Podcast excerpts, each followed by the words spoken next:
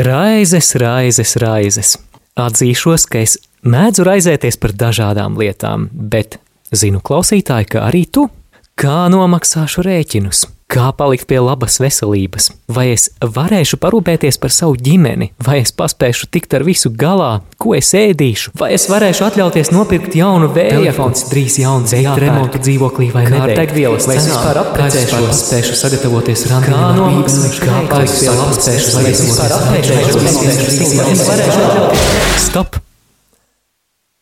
Vai šim raižu viesulim mūsu domās vispār ir kāda jēga? Par to šodienas raidījumā, epizode numur 17 - Raizes, Raizes, Raizes.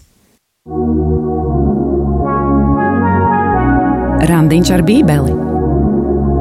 Studijā Māris Veliks.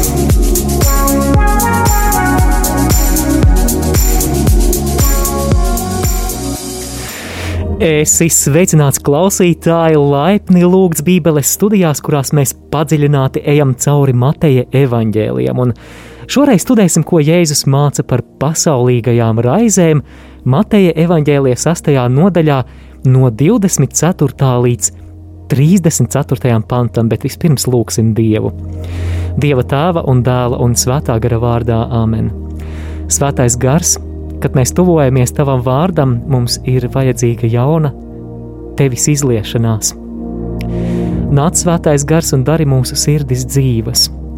Un, kungs, mēs lūdzam, lai tas, ko mēs šīs stundas laikā darīsim, nav tikai intelektuāli, bet palīdzi šim vārdam pirmkārt aizsniegt mūsu sirdis, pārliecini mūs, ļauj mums noticēt šim vārdam, Kungs, mēs lūdzam, lai mēs piesūcamies ar Tavu vārdu, un lai šis vārds kļūst par daļu no mūsu domāšanas, no tā, kā mēs raugāmies uz pasauli, un mēs lūdzam, lai mēs noticam, ka mums ir labs debesu tētis, kurš par mums rūpējas.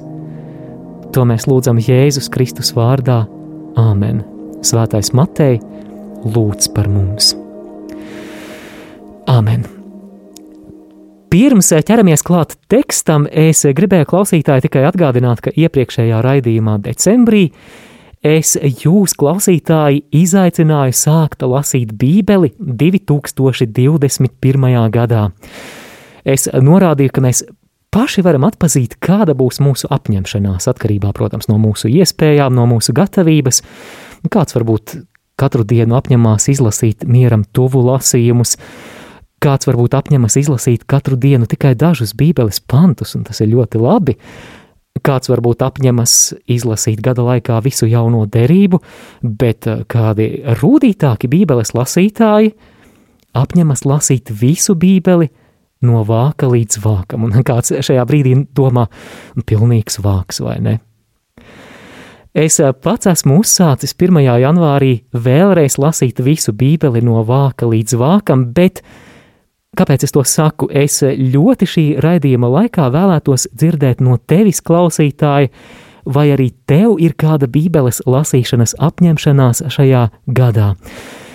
Patiešām ļoti gribētos dzirdēt, vai kāds ir atsaucies šim Bībeles lasīšanas izaicinājumam un arī kādā veidā. Tāpēc droši iesaisties ēterā.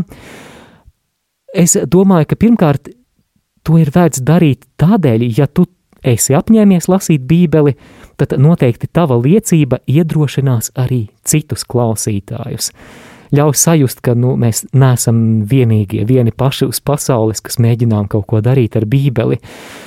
Un uh, otrs, nemazāk svarīgs iemesls, tas neizsakāmi iepriecinās mani, tavu savedēju randiņā ar Bībeli.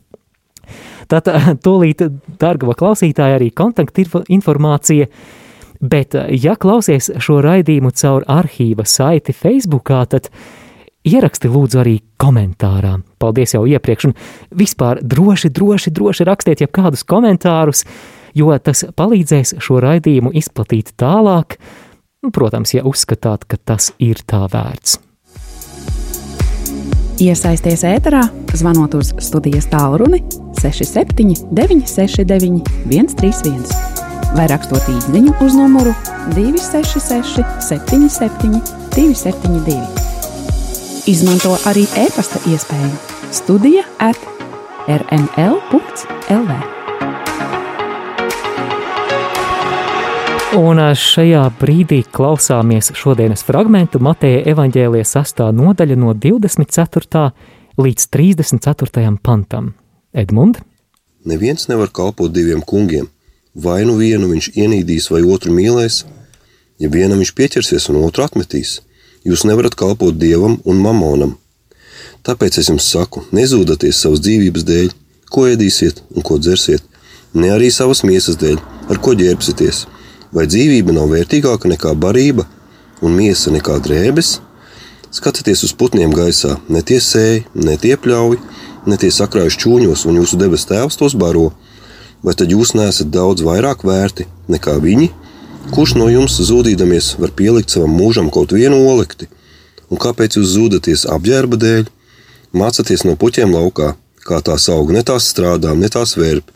Bet es jums saku, pat ne zālmats visā savā godībā nav bijis tā apģērbts kā viena no tām. Ja nu Dievs tā ģērb zāli laukā, kas šodien stāv un rītu, tik iemest krāsnī, vai tad nedaudz vairāk kā jūs? Ak, jūs masticīgie!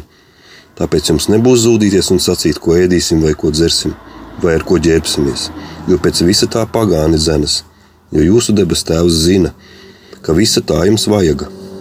Bet meklējiet vispirms Dievu valstību un viņa taisnību, tad visas šīs lietas jums tiks piemestas. Tāpēc nezūdaties par rītdienu, jo rītdiena pati par sevi zudīsies. Ikvienai dienai pietiek savu pašas bēdu. Kā dzirdējām, Jēzus šeit runā par pasaulīgām raizēm, un mēs visi par kaut ko raizējamies. Es, gatavojoties šim raidījumam, tīmekļa meklētājā ierakstīju tādu jautājumu, par ko uztraucas Latvijas iedzīvotāji, un tad tur virkne rakstu, un viens no pirmajiem virsrakstiem bija, piemēram, aptauja, 20% Latvijas iedzīvotāji uztraucas par to, vai viņiem pietiks naudas Ziemassvētku tēriņiem. Bet mēs raizējamies arī par daudz nopietnākām lietām. Galu galā ir šis pandēmijas laiks, un tas liek daudziem raizēties nevien par veselību, bet arī par materiālo nodrošinājumu. It sevišķi, ja kādi no jums varbūt strādā turisma vai ēdināšanas nozarē, tad noteikti šis nav tas vieglākais laiks. Tad nu kā šie Jēzus vārdi Mateja evaņģēlijas sastajā nodaļā – attiecas uz mūsu raizēm. Ko tie var mums iemācīt? Es aicinu pāanalizēt šo rakstu vietu, izmantojot šādu metodi, ko aicinu iemācīties. Vispirms, mūsu uzdevums šajā tekstā būs atrast pašu galveno domu. Parasti kādā teksta fragmentā mēs varam meklēt to galveno, centrālo, svarīgāko domu. Ja? Pārējais teksts pamato šo galveno domu. Un tad nu, tālāk mūsu uzdevums būs saprast, kā īsti tas atbalsta, jeb pamato šo galveno domu. Un, godīgi sakot, šodienas teksta galveno domu identificēt ir diezgan vienkārši. Te mums pat skaitļi var mazliet palīdzēt, jo šajā tekstā, es nezinu, vai tu to pamanīji vai nē, bet ir kāds aicinājums, kuru Jēzus dažādās formās atkārto veselas piecas reizes. Un jau tas vien norāda, ka tas ir kaut kas svarīgs. Un tad nu šī centrālā vēsts fragmentā ir šāda: Neraizējies! Mēs jau 25. pantā lasām, tādēļ es jums saku, nezūdieties. Vai Es šodien došu priekšroku, manuprāt, mūsdienu latviešu valodā biežāk lietotam vārdam neraizējieties. Varētu teikt, neraizējieties savas dzīvības dēļ, ko ēdīsiet un ko dzersiet, ne savas miesas dēļ, ko vilksiet mugurā, vai tad dzīvība nav vērtāka kā barība un miesa kā drēbes, saka Jēzus. Jā, krievu sinodālajā tulkojumā es paskatījos, ka te ir vārds ņezaboķis. Un tad, nu, vispirms, kā mēs nu pat dzirdējām šajā 25. pantā, bet tālāk tekstā vēl četras reizes atkārtojas šis vārds nezūdieties, jeb neraizējieties. Un, ja gadījumā tu šajā raidījumā seko līdzi šai rakstu vietai savā bībelē, paņem zīmuli tagad, apvelc tagad 25. pantā šo nezūdieties, tālāk 27. pantā, te ir mazliet citā formā, kurš no jums ar savu zūdīšanos, 25. kādēļ jūs zūdāties, 31. pants nezūdieties, un 34. nezūdieties varam apvilkt. Jā, tātad viens, divi, trīs, četri, pieci. Jā, piecas vietas, kur Jēzus aicina nezūdieties. Mēs tātad esam šeit identificējuši šī fragmenta galveno domu. Tātad Jēzus aicina neraizēties par materiāla rakstura lietām. Pārējais teksts, kuru mēs aplūkosim, ir argumenti, kas šo tēzi, kāpēc nevajag raizēties, pamato.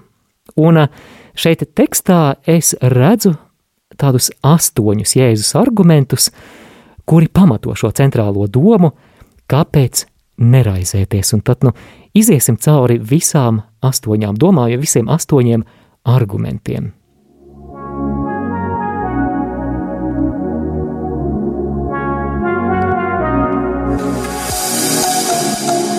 Pirmais arguments, un šeit mēs izlasīsim vēlreiz 24. un 25. pantu, Edmund. Neviens nevar kalpot diviem kungiem. Vai nu vienu viņš ienīdīs, vai otru mīlēs, ja vienam viņš pieķersies un otru atmetīs. Jūs nevarat kalpot dievam un mamonam.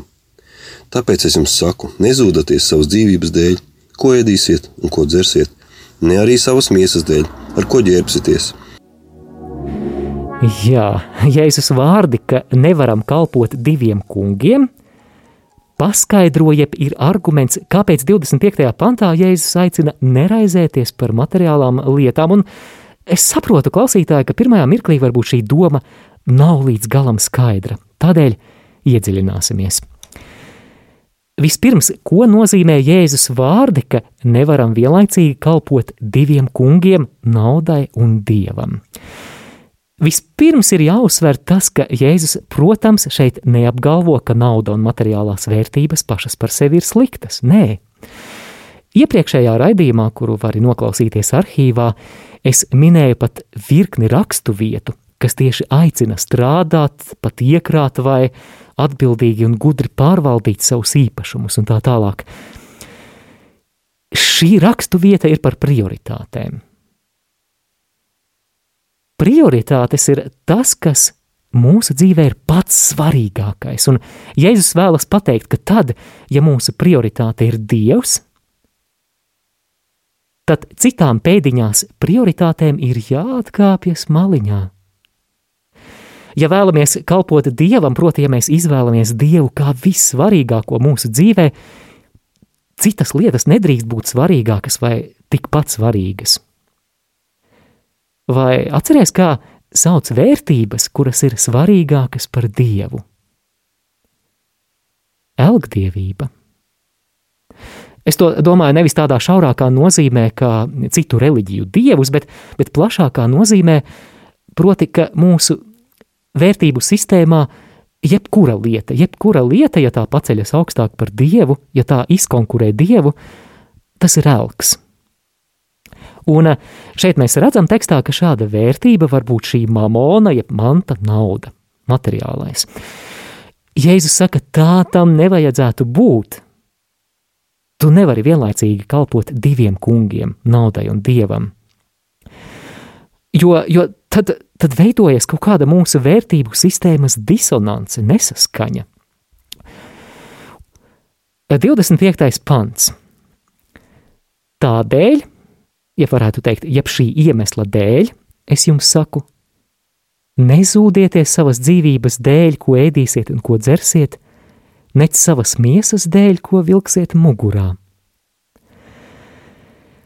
Tad nu, šī loģiskā domu secība ir apmēram šāda. Ja mēs vēlamies pareizas prioritātes, kad vispirms ir Dievs un tad viss pārējais, tad zudīšanās par ēdienu, dzērienu un apģērbu patiesībā pēc Jēzus domām var norādīt, ka kaut kas īsti nav kārtībā ar mūsu prioritātēm. Ja šī stresainā, pat histēriskā dzīšanās pēc šīm lietām, kuras var nopirkt par naudu, ir pats galvenais mūsu ilgu un centienu saturs, ja, ja ap to rotē visa mana dzīve, tas parāda, ka patīk man atzīt to vai nē, ka mamona tomēr ir mans kungs. Nu, ja jau tā ir okupējusi tik lielu telpu manā dzīvē, bet Jēzus saka, ka līdzās dievam nedrīkst būt citi kungi. Nedrīkst būt kaut kas cits, kas mūs paverdzina. Apmēram tā būtu jāsaprot šis pirmais Jēzus arguments, kāpēc nevajadzētu raizēties, un es mēģināšu tagad šo pirmo argumentu izteikt saviem vārdiem kā vienkāršu tēzi. Gatavi? Neraizējieties, jo raizes par materiālām lietām parāda, ka tev ir nepareizas prioritātes. Vēlreiz, neraizējies, jo raizes par materiālām lietām parāda, ka tev ir nepareizas prioritātes.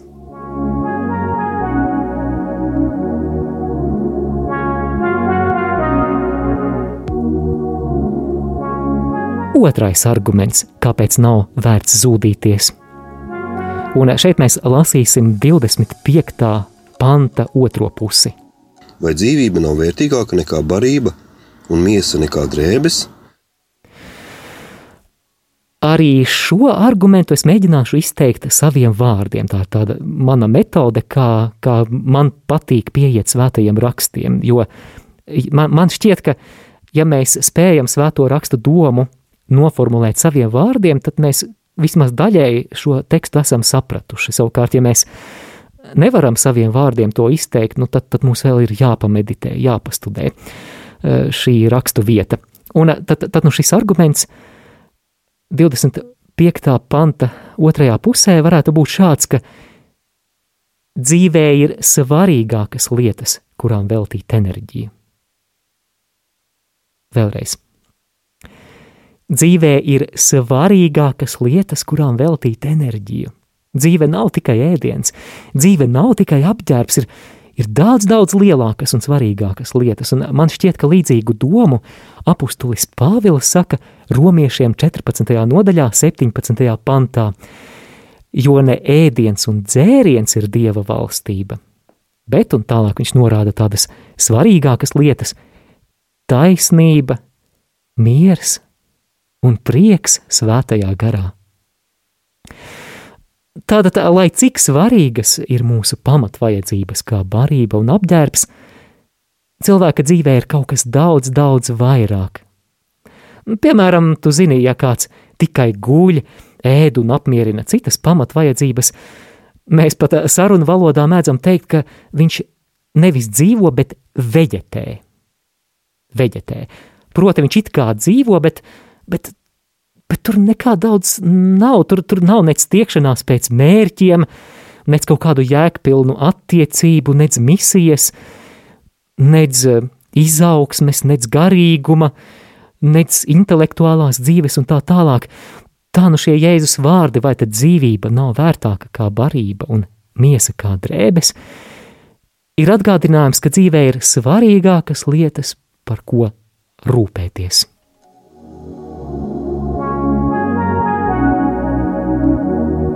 Vai ievēroja klausītāji, ka mēs bieži vien tā vietā, lai pievērstos kaut kam būtiskam, te jau vai visu savu mentālo enerģiju tērējam sī, sīkumiem, pilnīgiem sīkumiem.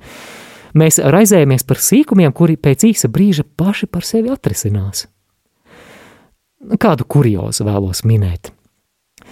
Es dzirdēju, ka ārzemnieki draudzīgi pasmējas par mums, latviešiem, ka mēs, ka mēs baidoties vai laikā un īstajā pieturā paspēsim izkāpt no sabiedriskā transporta.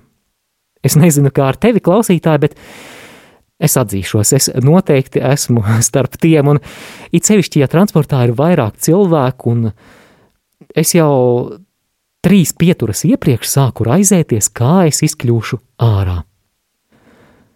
Bet galu galā viss vienmēr ir bijis veiksmīgi, un tas tikai parāda, ka raizes ir bijušas pilnīgi bezjēdzīgas un nepamatotas. Tāds pilnīgs sīkums, kam mēs esam veltījuši savu mentālo enerģiju. Tāpēc neraizējies par lietām, kuras tik un tā pēc piecām minūtēm vai pēc nedēļas vispār vairs nebūs aktuālas. Tātad šis otrais arguments dzīvē ir svarīgākas lietas, kurām veltīt enerģiju.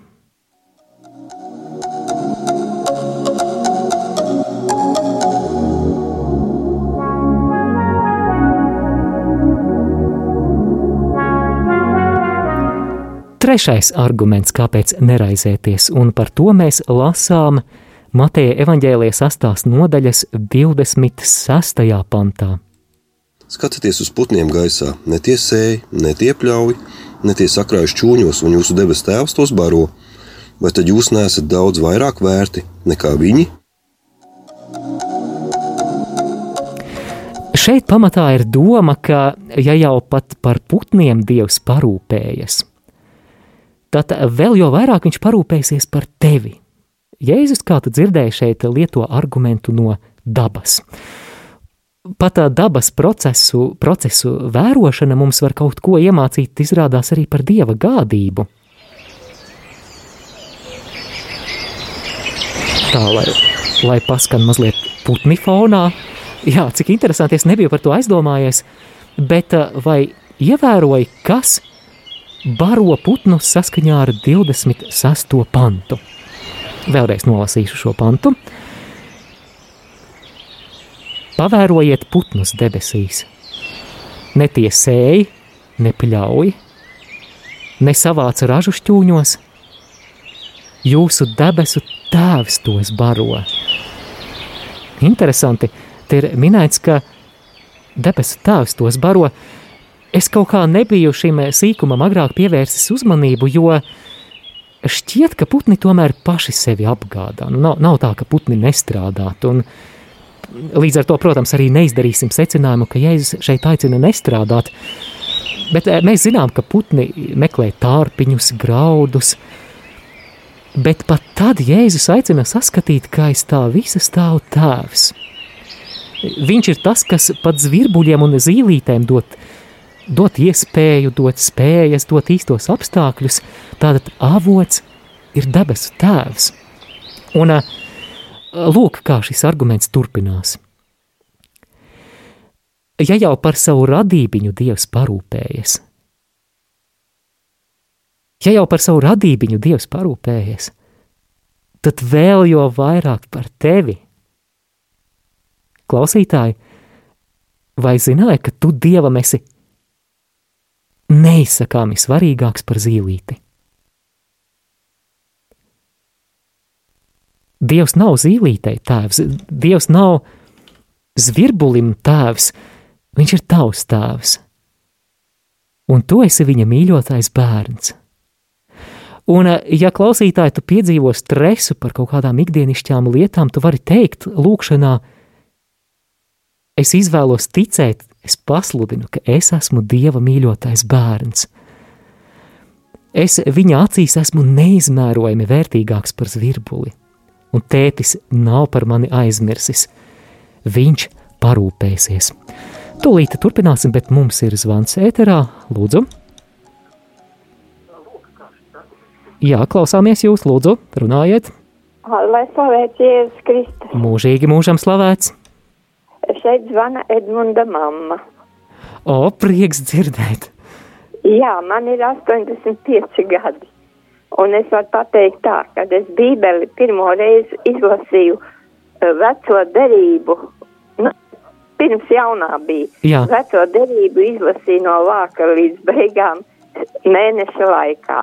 Un O. tā es turpināju katru gadu, bet pēdējos gadus man vismīļākie ir pravieši. Iesēja, Jeremija un visi tie.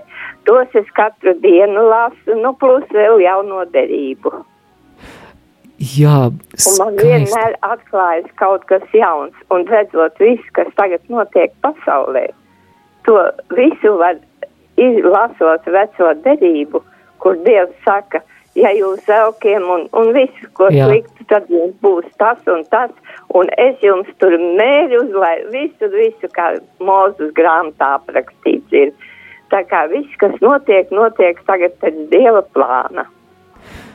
Jā, liels paldies. Patiešām ir vērts lasīt arī vecās derības tekstus, jo tās likuma sakarības, kuras tur ir, viņas nu, patiešām ir aktuālas arī, arī šodien. Pāvils ir no vecās derības, pār, nu, jaunā derība, nu, kā teikt, ir daļa vecās derības. Jā, kā, kā turpinājums un piepildījums. Mīļš, paldies jums par zvanu. Jā. Paldies, ka iedvesmojat arī citus klausītājus. Un noteikti sveiciniet Edmundu un, un sakiet paldies par brīnišķīgajiem Jā, ierakstiem. Sazinos. Jā, labi. Paldies jums un lai svētīts šis jaunais gads. Mūžīgi mūžos. Jā, dārgo klausītāji, arī varbūt tev ir kas sakāms par bībeles lasīšanu, vai tu esi izdarījis varbūt bībeles lasīšanas apņemšanos šajā gadā, tad nekautrējies droši iesaisties ēterā. Bet nu, pat mēs runājām par to argumentu no, no dabas, ka ja Dievs pat par putniem parūpējas, tad vēl jau vairāk viņš parūpēsies arī par tevi. Galu galā tu esi Dieva bērns, un Jēzus šo argumentu turpina arī no 28. līdz 30. pantam, un šeit no, no kā, kā sauc to nozari, kas putnus pēta, kaut kā man izskrēja no galvas, bet tagad, tagad viņš uz botāniku pārsviežās tematiski, un mēs tad klausāmies no 28. līdz 30. pantam. Un kāpēc jūs zūdaties apģērba dēļ? Mācāties no puķiem laukā, kā tās aug, ne tās strādā, ne tās vērp, bet es jums saku, pat ne zālamats visā savā godībā nav bijis tā apģērbts kā viena no tām. Ja nu Dievs tā ģērb zāli laukā, kas šodien stāv un rītu, tik iemest krāsnī, vai tad nedaudz vairāk kā jūs? Ak, jūs masticīgie! Jā, lauka lilijas vai lauka puķes nedz nopūlas, nedz vērpi, bet ir tērptas krāšņāk nekā vecās derības farenākais un bagātākais Izrēļa tautas ķēniņš Salomons, un turklāt tās nestreso. Tad no šo trešo argumentu, kāpēc nav jāraizējas, saviem vārdiem izteikšu šādi. Ja jau Dievs gādā par visu dzīvo radību, vēl jo vairāk viņš parūpēsies par tevi kā savu bērnu. Vēlreiz, ja jau Dievs gādā par visu dzīvo radību, vēl jo vairāk viņš parūpēsies par tevi kā savu bērnu. Turpināsim pēc mūzikas pauzes.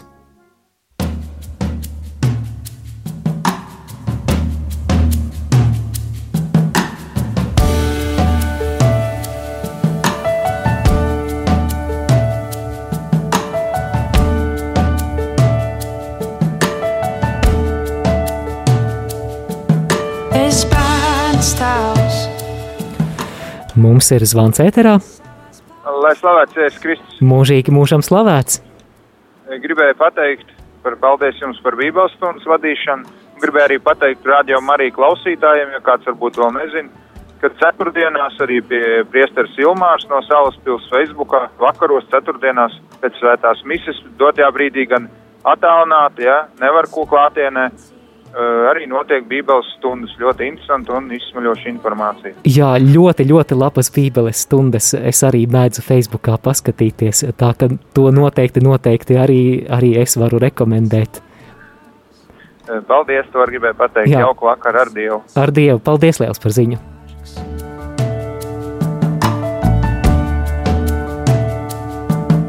Es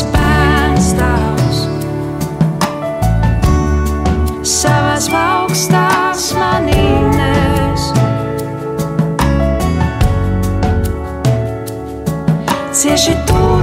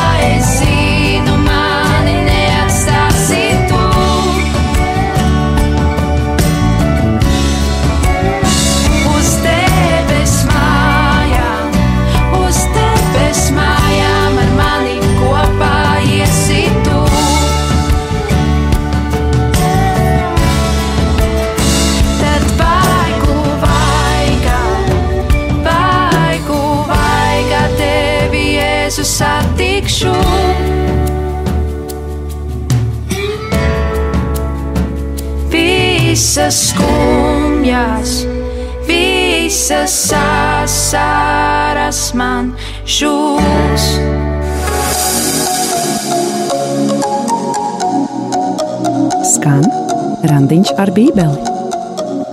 Turpinām studēt Mateja evaņģēlīja fragment no 6. nodaļas 24. līdz 34. pantam, un šajā brīdī ceturtais Jēzus arguments, kāpēc neraizēties, un par to mēs lasām 27. pantā.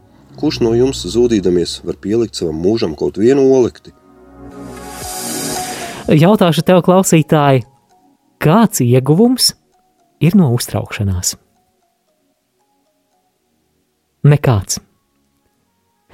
Šis arguments, kāpēc neuztraukties, ir ļoti vienkāršs. No uztraukšanās nav nekādas jēgas. Uztraukšanās nepalīdz. Jā, mums dzīvē ir bijuši un būs izaicinājumi, būs grūtības, bet mūsu panika šeit nedod it neko, lai tās lietas atrisinātu. Ieguldījums problēmas risināšanā ir nulle. Pat vēl vairāk patiesībā uztraukšanās nevien palīdz, bet noteikti arī no savas dzīves pieredzes var minēt daudzus gadījumus, ka tāpat traucē. Piemērs. Vai esi ievērojis, dārgo klausītāji, ka tad, kad mēs par kādu sīkumu savā galvā domājam un domājam, tas mūsu iztēlē kļūst lielāks un lielāks un, un lielāks, un no oda mēs uzpūšam ziloni. Piemēram, tu uzraksti draugam īziņu, vai, vai, es, vai Whatsappā varbūt kādu ziņu uzraksti, bet nesaņem atbildi. Un tu, protams, sāc domāt, kas par iemeslu, kāpēc draugs neatbild. Un tu domā, domā, un izdomā, ka iespējams draugs par kaut ko uz tevi ir apvainojies.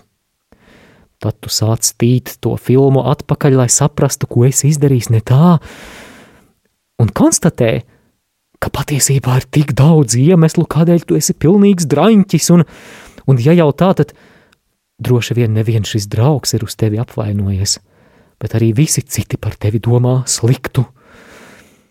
Pat nevis droši vien, bet noteikti domā sliktu, un tad sākas šis visi mani nīsti, visi mani nievā, ak, kāds es nabadzīgs, un mēs kļūstam par drāmas karaļiem un karalienēm, vesela traģēdija. Kur?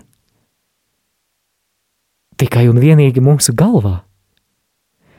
Patiesībā izrādās, ka draugam vienkārši bija ļoti aizņemta diena un kaut kā paslīdēja garām tā tava īziņa, nekas vairāk.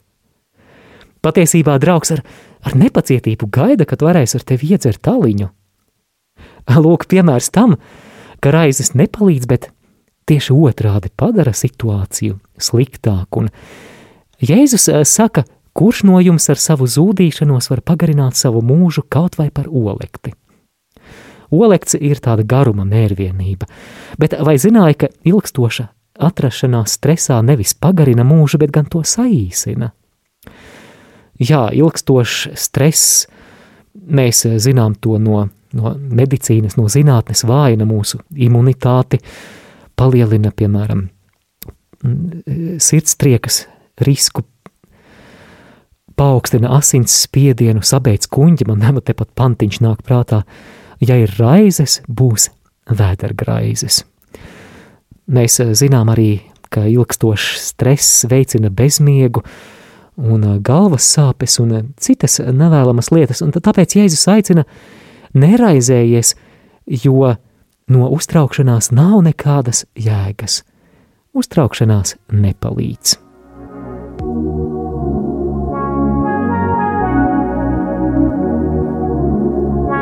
Un piektais arguments.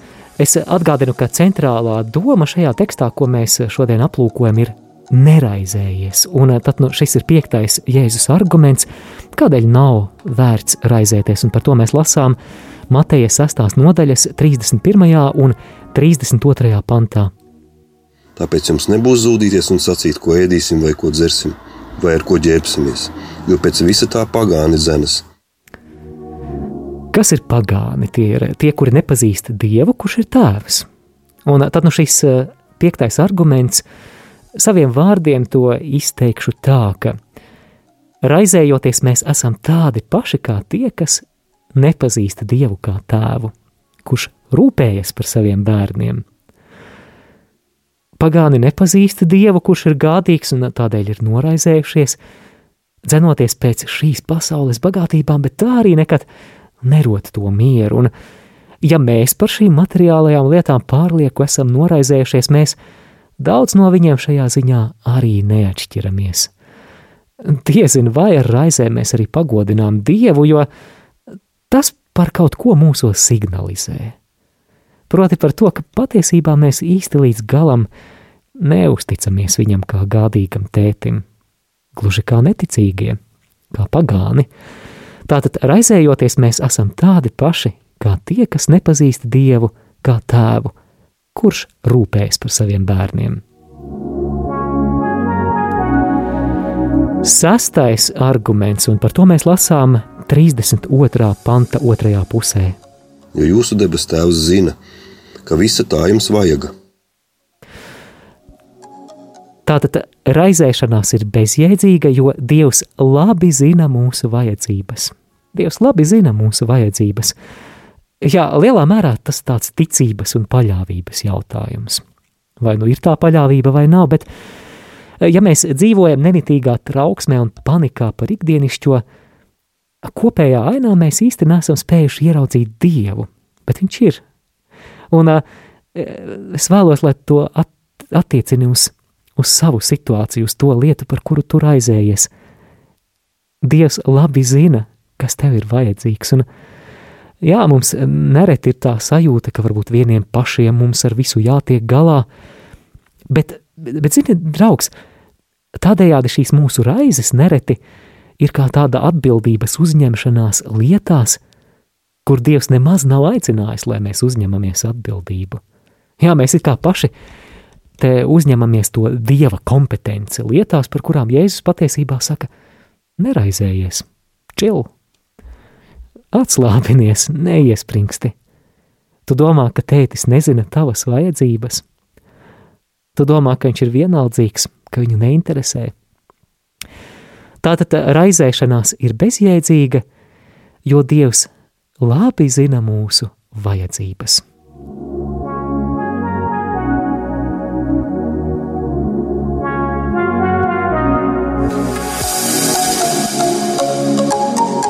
Septītais arguments. Ja tavas prioritātes ir pareizas, tad arī pārējais sakārtosies. Par to mēs lasām 33. pantā. Bet meklējiet vispirms Dievu valstību un viņas taisnību, tad visas šīs lietas jums tiks piemestas.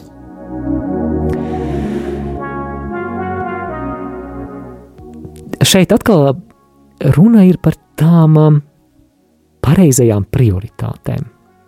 Kas tad mums ir un kas tad mums būs vissvarīgākais? Un kā mēs dzirdējām to Jēzus vārdos, ka Dieva valstība un dzīve saskaņā ar Dieva gribu ir kaut kas neizmērojami vērtīgāks nekā tās ikdienišķās vajadzības un raizes. Un, un Jēzus apsola, ka, ja mēs vispirms meklēsim Dieva valstību un viņa taisnību, tad pārējais tiks dots komplektā.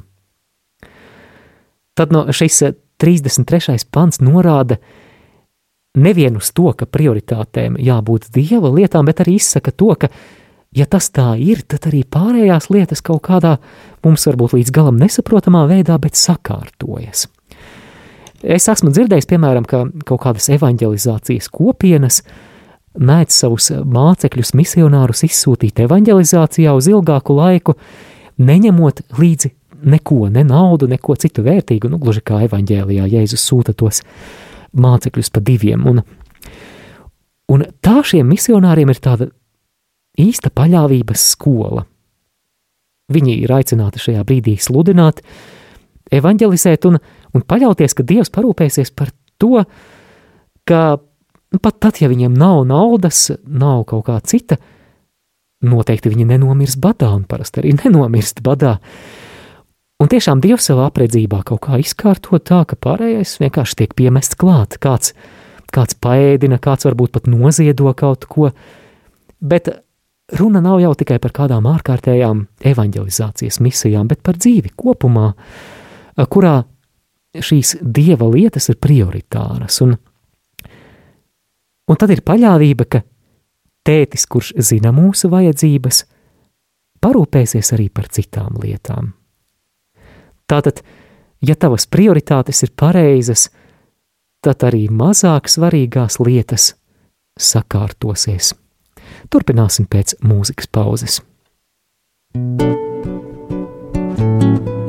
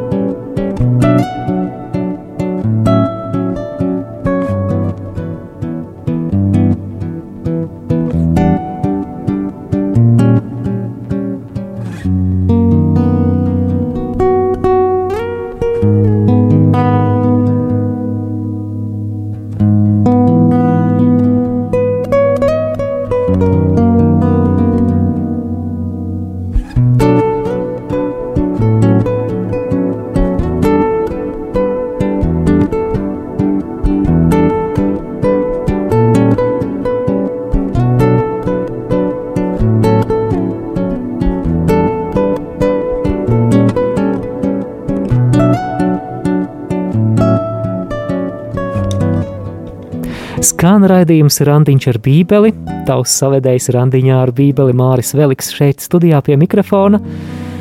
Ja šo raidījumu klausies tiešraidē, tad ar prieku dzirdēšu arī no tevis, vai esi apņēmies varbūt lasīt Bībeli šajā gadā. Droši iesaisties ēterā, varbūt tev ir arī kādas citas pārdomas vai komentāri. Iesaisties ēterā, zvanot uz studijas tālruni 67, 969, 131 vai rakstot īsiņu uz numuru 266, 77, 272. Izmanto arī e-pasta iespēju Studija at rml.lv. Tūlīt arī noslēgsim šīs dienas Bībeles studijas. Atgādinu, ka mēs studējam Mateja evaņģēlijas 8. nodaļu no 24. līdz 34. pantam, kur Jēzus runā par raizēm, un mēs konstatējām, ka galvenā doma tekstā ir neraizējies, un ka ir astoņi argumenti, kas to pamato, un, un mēs esam nokļuvuši līdz pēdējam, astotajam argumentam, kuru saviem vārdiem centīšos izteikt šādi, ka nav jēgas raizēties par lietām, kuras šodien tu tik un tā nevari kontrolēt. Un par to mēs lasām 34. pantā. Tāpēc nezūdaties par rītdienu, jo rītdiena pati par sevi zūdīsies. Ikvienai dienai pietiek savu pašas bēdu. Jā, katru dienu ir savi izaicinājumi, vai ne? Lielā korī droši vien klausītāji atbild āmen. Jā, būs izaicinājumi arī rīt. Bet rīts vēl nav pienācis. Dievs dod žēlastību šodienai. Rīt būs cita žēlastība. Jā, to, to mēs varam saukt par tādu konkrētā mirkļa žēlastību, jo ir lietas, kuras mēs varam risināt, bet tās ir šajā mirklī un šodien. Jēzus teica, katrai dienai pietiek savu bēdu. Tad no raizēties par nākotni patiesībā nozīmē saspringt par to, kas šobrīd tik un tā ir ārpus mūsu kontroles. Bet, ja tas ir ārpus mūsu kontroles, ja tu ar savu zudīšanos vai pat varbūt ar saviem darbiem to nekādi nevar ietekmēt, kāda jēga no tā? Un, un zini, ka rītdien Dievs dos jaunu žēlastību tās dienas izaicinājumiem. Ļoti skaista rakstu vieta, es no vecās derības kaut ko vēlos nocitēt. Jeremija raudu dziesma, trešā nodaļa no 22. līdz 23. pantam kunga žēlastība nebeidzas. Nav galā viņa žēlastība, tās ir jaunas ik rītu. kas notiek, ja mēs šodien iespringstam par tām nākotnes lietām, godīgi sakot, mēs paši sev atņemam enerģiju šodienas izaicinājumu risināšanai. Tad, nu, nav jēgas raizēties par lietām, kuras šodien tu tik un tā nevari kontrolēt.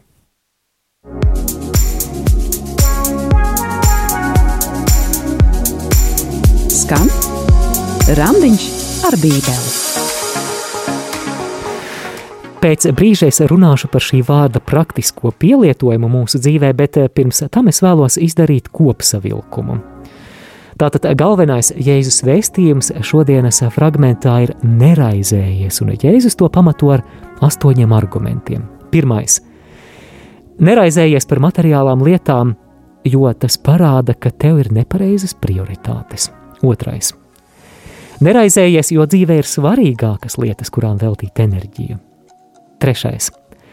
Neraizējies, ja jau Dievs gādā par visu dzīvo radību, vēl jo vairāk viņš parūpēsies par tevi kā savu bērnu. Ceturtais. Neraizējies, jo no raizēm nav nekādas jēgas, uztraukumi nepalīdz. Piektais. Neraizējies, jo raizējoties mēs esam tādi paši kā tie, kas nepazīst Dievu. Sastais. Neraizējies, jo Dievs labi zina mūsu vajadzības. Septītais. Neraizējies, jo, ja tavas prioritātes ir pareizas, tad arī pārējais sakārtosies. Un astotais. Neraizējies, jo nav jēgas raizēties par lietām, kuras šodien tu tik un tā nevari kontrolēt.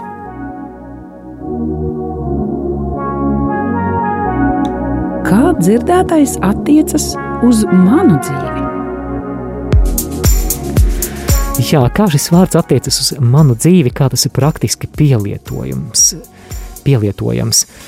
Jo mēs zinām, ka mums vienmēr netrūks iemeslu, par ko raizēties. Un mēs šeit dzirdējām Jēzus aicinājumu nezūdieties, neraizējieties. Un Jēzus pieņem, ka šīs, šie astoņi iemesli, šie astoņi argumenti var ietekmēt mūsu emocijas un ka var, var dāvāt lielāku mieru ņemot vērā, ka, ka vienmēr, vienmēr būs izaicinājums raizēties. Un, un eh, Jēzus šeit vēršas pie šīm mūsu emocijām, kas ir raizes, ar noteiktiem argumentiem, kurus mēs dzirdējām, ar noteiktiem apgalvojumiem, jeb patiesībām. Tātad viņš pieņem, ka, ka šīm patiesībām būs tāds emocionāls efekts. Un, jā, varbūt kāds no mums var teikt, ka uz mani tas neiedarbojas. Tas nekādi, nekādi nemazina manus uztraukumus. Šīm patiesībām manā dzīvē nav nekāda emocionāla efekta, tas mani nenomierina un neiedrošina. Tas neatņem man raizes, un šādā gadījumā ieklausies. Šīs patiesības strādā tad, kad mēs tām uzticamies, kad mēs tām ticam. Tātad tur, kur ir ticība. Pievērsiet uzmanību 30. pantam, kur Jēzus saka, jūs masticīgie. 30. Ja nu Dievs pļavas zāli, kas šodien ir, bet rīt tiek iemesta krāsnī tā ģērbi, cik gan daudz vairāk jūs, jūs masticīgie.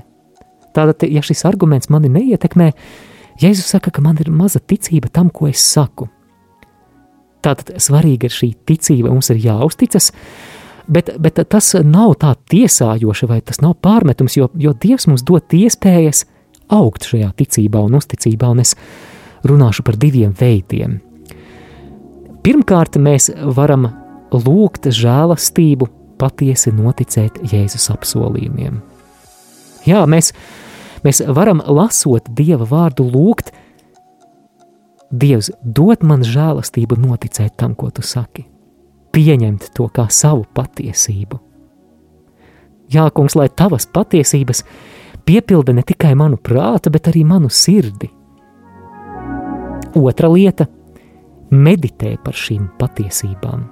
Tas nozīmē, ka ne tikai lasi, bet arī pārdomā, uzkavējies pie tām, un It sevišķi tad, ja tu patiešām piedzīvo lielas raizes, un ja tu jūti, ka trūkst tās paļāvības, meditē par šiem astoņiem argumentiem, kurus šodien redzējām tekstā, jo romiešiem 10.17 ir teikts, ticība nāk no dzirdēšanas, dzirdēšana no Kristus vārda. Randiņš ar Bībeli. Savedējs Māris Veliks. Un raidījuma noslēgumā tagad klausītāju iesaistīšanās. Gunta ir uzrakstījusi tiešām liels paldies par šīm studijām. Man ļoti patīk. Tiešām sākšu studēt pamatīgāk Bībeli. Paldies jums, lai Dievs svētī Gunta. Gunta, lai Dievs svētī Bībeles studijās. Paldies! Savukārt uz šī raidījuma e-pastu randiņš ar bībeli at gmail.lv nu jau pirms ilgāka laika es saņēmu kādu e-pastu, kura, kura fragmentu vismaz vēlos nolasīt. Slavēts Jēzus Kristus! Esam tikušies klātienē Iecavas alfa kursā par tēmu, kā lasīt bībeli. Tieši tavs smaids, prieks un enerģiskums man iedvesmoja mēģināt lasīt bībeli. Pēc šīs lekcijas telefonā leju pielādēju bībeles aplikāciju un sāku lasīt psalmus. Pēc psalmu izlasīšanas izlasīju jauno derību. Pirms piecām dienām sāku klausīties radio Marija un skaitu ar jums kopā žēlsirdības kroni un pusnaktī rožu kroni. Vakar bija pirmā diena, kad nelasīju bībeli, un jūtu, ka kaut kas pietrūkst. Tad nu sāku meklēt, ko piedāvā radio Marija mājaslapa, un atradu šo raidījumu. Vakar noklausījos divus pirmos raidījumus, tie ir brīnišķīgi.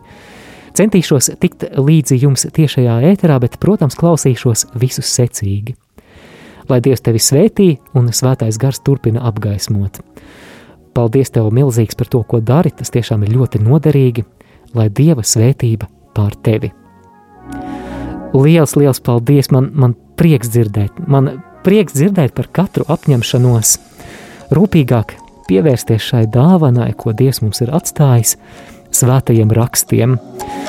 Un, ja arī tev, dārgo klausītāji, ir kādi ieteikumi, kā šo raidījumu uzlabot, tad droši raksti gan Facebook, komentāros, ja klausies caur saiti Facebook, gan raksti arī e-pastus uz randiņš ar bībeli at gmail.com. Noslēgsim raidījumu. Gods lai ir tēvam un dēlam un svētajam garam, kā tas no iesākuma ir bijis, tā tagad un vienmēr un mūžīgi mūžam āmen. Dieva tēva un dēla un svētā gara vārdā āmen.